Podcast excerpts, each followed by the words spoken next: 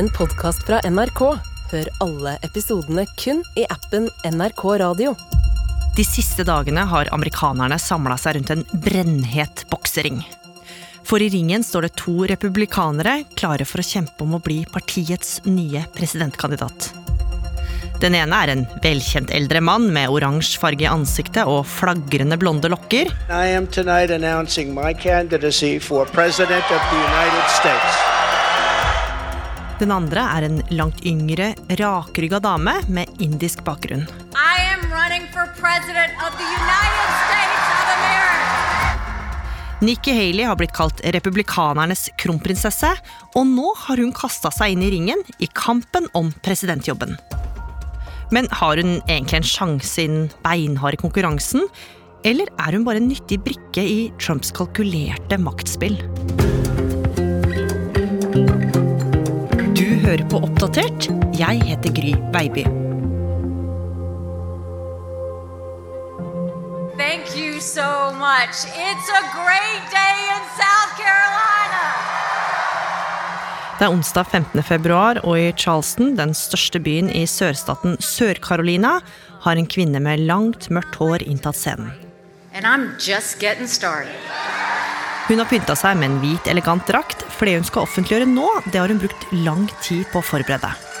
For a strong America, for a proud America, I am running for president of the United States of America. Og Tove Bjørgaas, USA-korrespondent her i NRK, dama som nå blir møtt av trampeklapp og intens jubel, hun heter Nikki Haley. Ja, og det at hun nå stiller som presidentkandidat for republikanerne, det er egentlig ganske spennende. For Nikki Haley er en politiker som blir omtalt som republikanernes kronprinsesse. En ganske fryktløs dame som snakker egne partifeller midt imot. Men hun skiller seg også ut på noen andre måter. Hun har nemlig en bakgrunn og en erfaring som de fleste republikanerne ikke kan skilte med.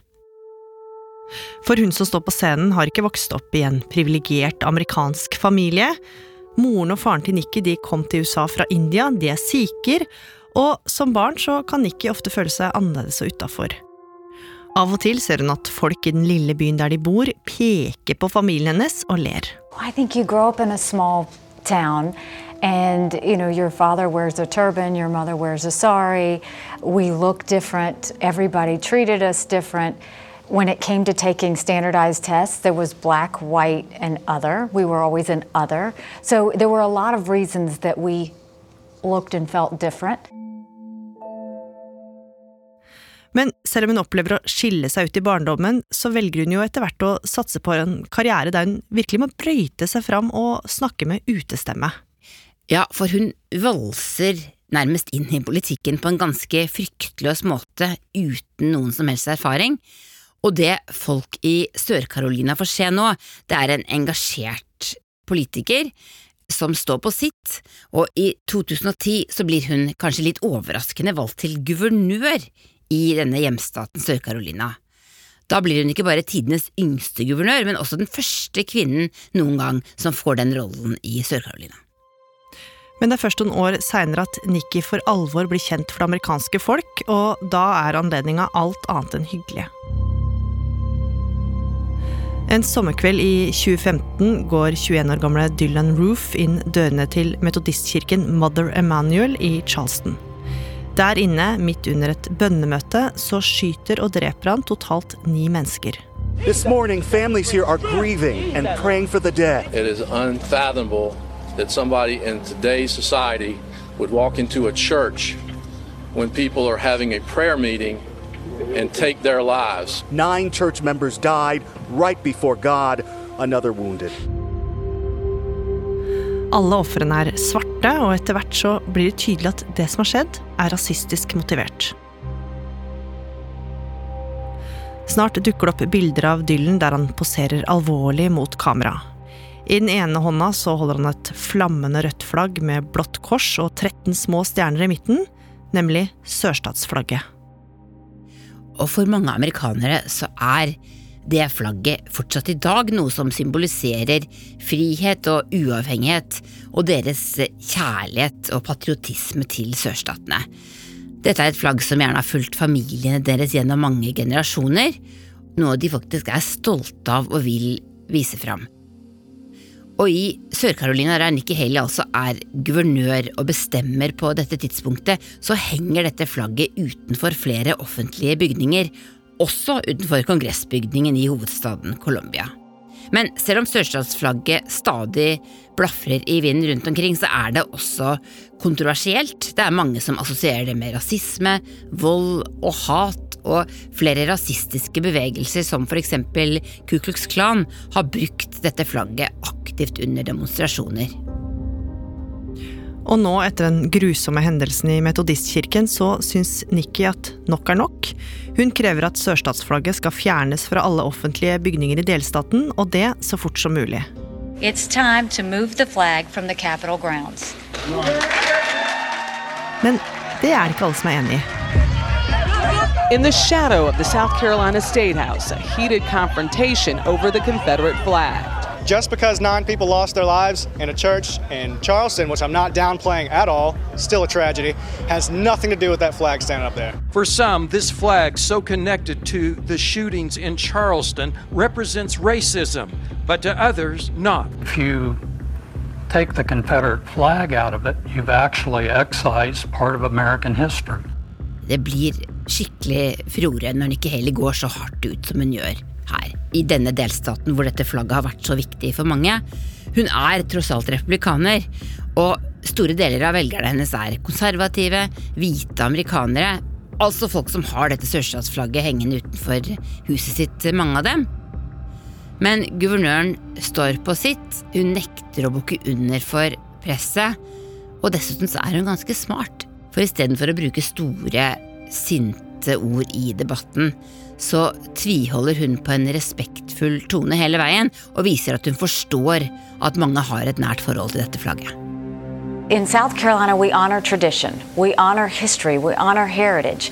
But there's a place for that flag, and that flag needs to be in a museum where we will continue to make sure that people can honor it appropriately.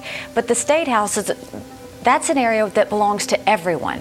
And no one should ever drive by the State House and feel pain. No one should ever drive by the State House and feel like they don't belong.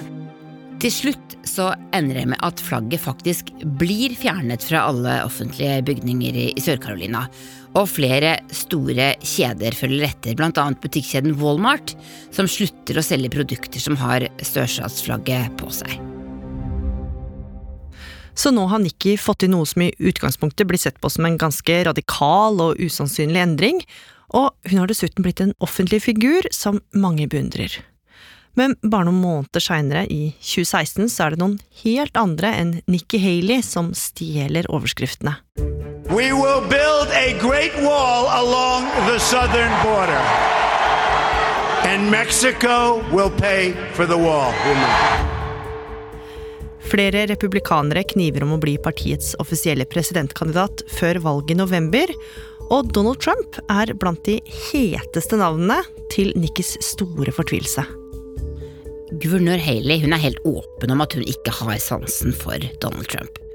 Han mater pressen med den ene tabloide formuleringen etter den andre, og når han slenger ut nedlatende påstander om meksikanere, altså innvandrere og, og muslimer, så blir Haley også personlig berørt.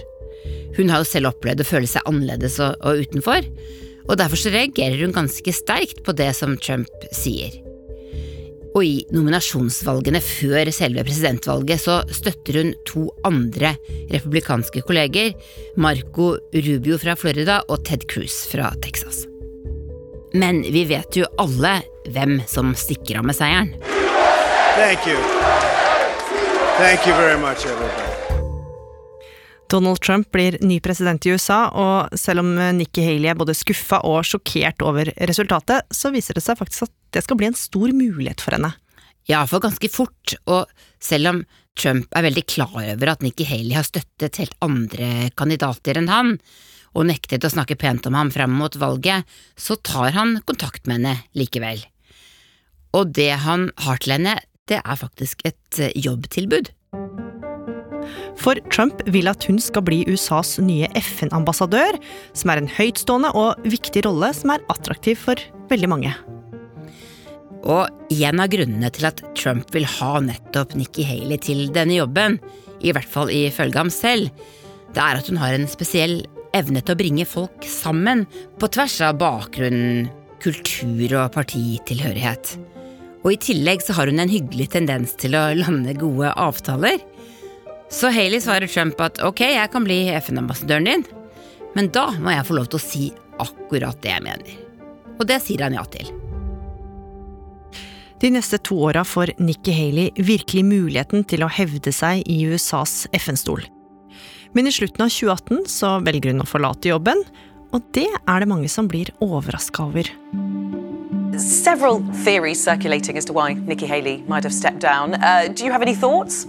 She is looking at her own political future and doesn't want to be tainted by what's likely to be a very difficult several months and years ahead. We don't yet know the reasons why Haley is stepping away from this position, correct?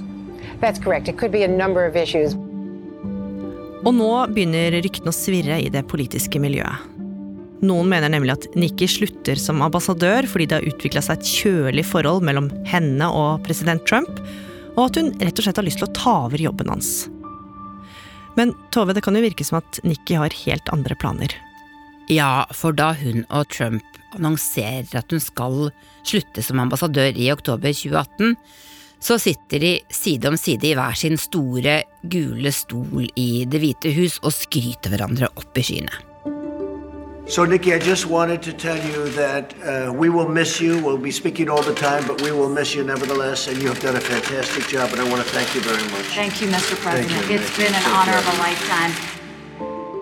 Hun sier selv at hun ikke har noen planer om å stille som presidentkandidat, og at hun tvert imot skal bruke tida si på å jobbe for Trumps kampanje fram mot valget i 2020. Men så, i begynnelsen av 2021, så skjer det noe som endrer stemninga drastisk. We will stop the steal. We're going to walk down to the Capitol.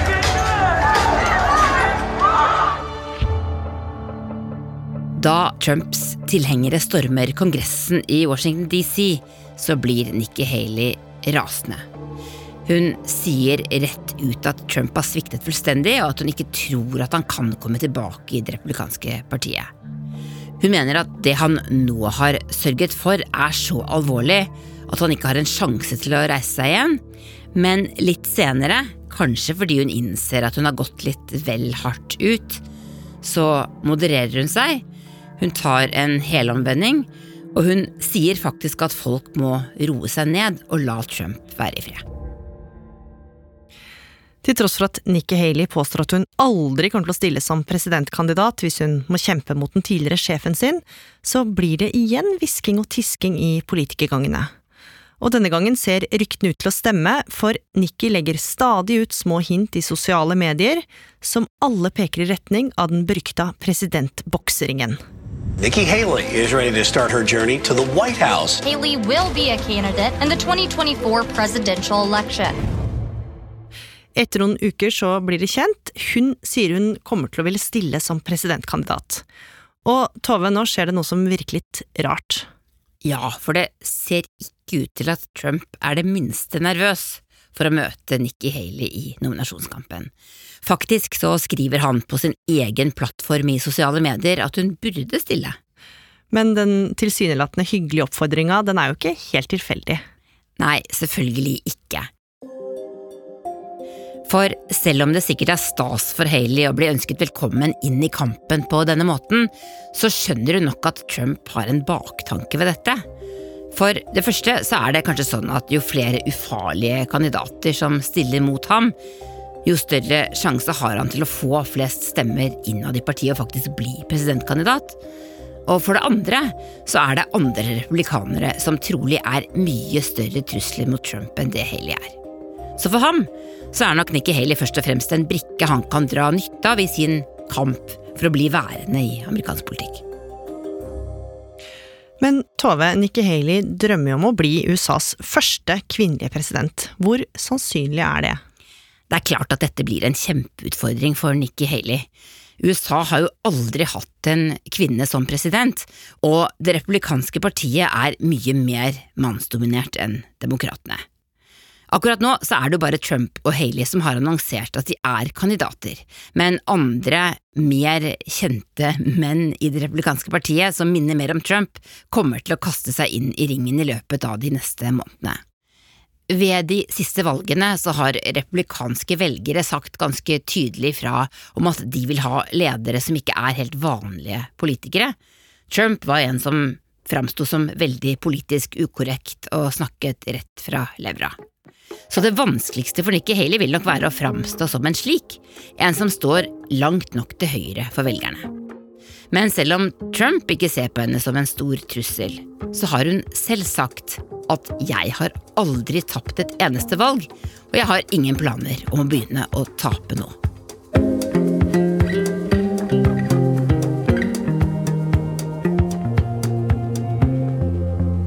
Oppdatert er en podkast fra NRK Nyheter, og denne episoden den er laga av oss. Produsent Line Orfjell. Teknikk og lyddesign Andreas Berge. Vaktsjef Ina Swann. Og jeg heter Gry Veiby. Programredaktør er Knut Magnus Berge.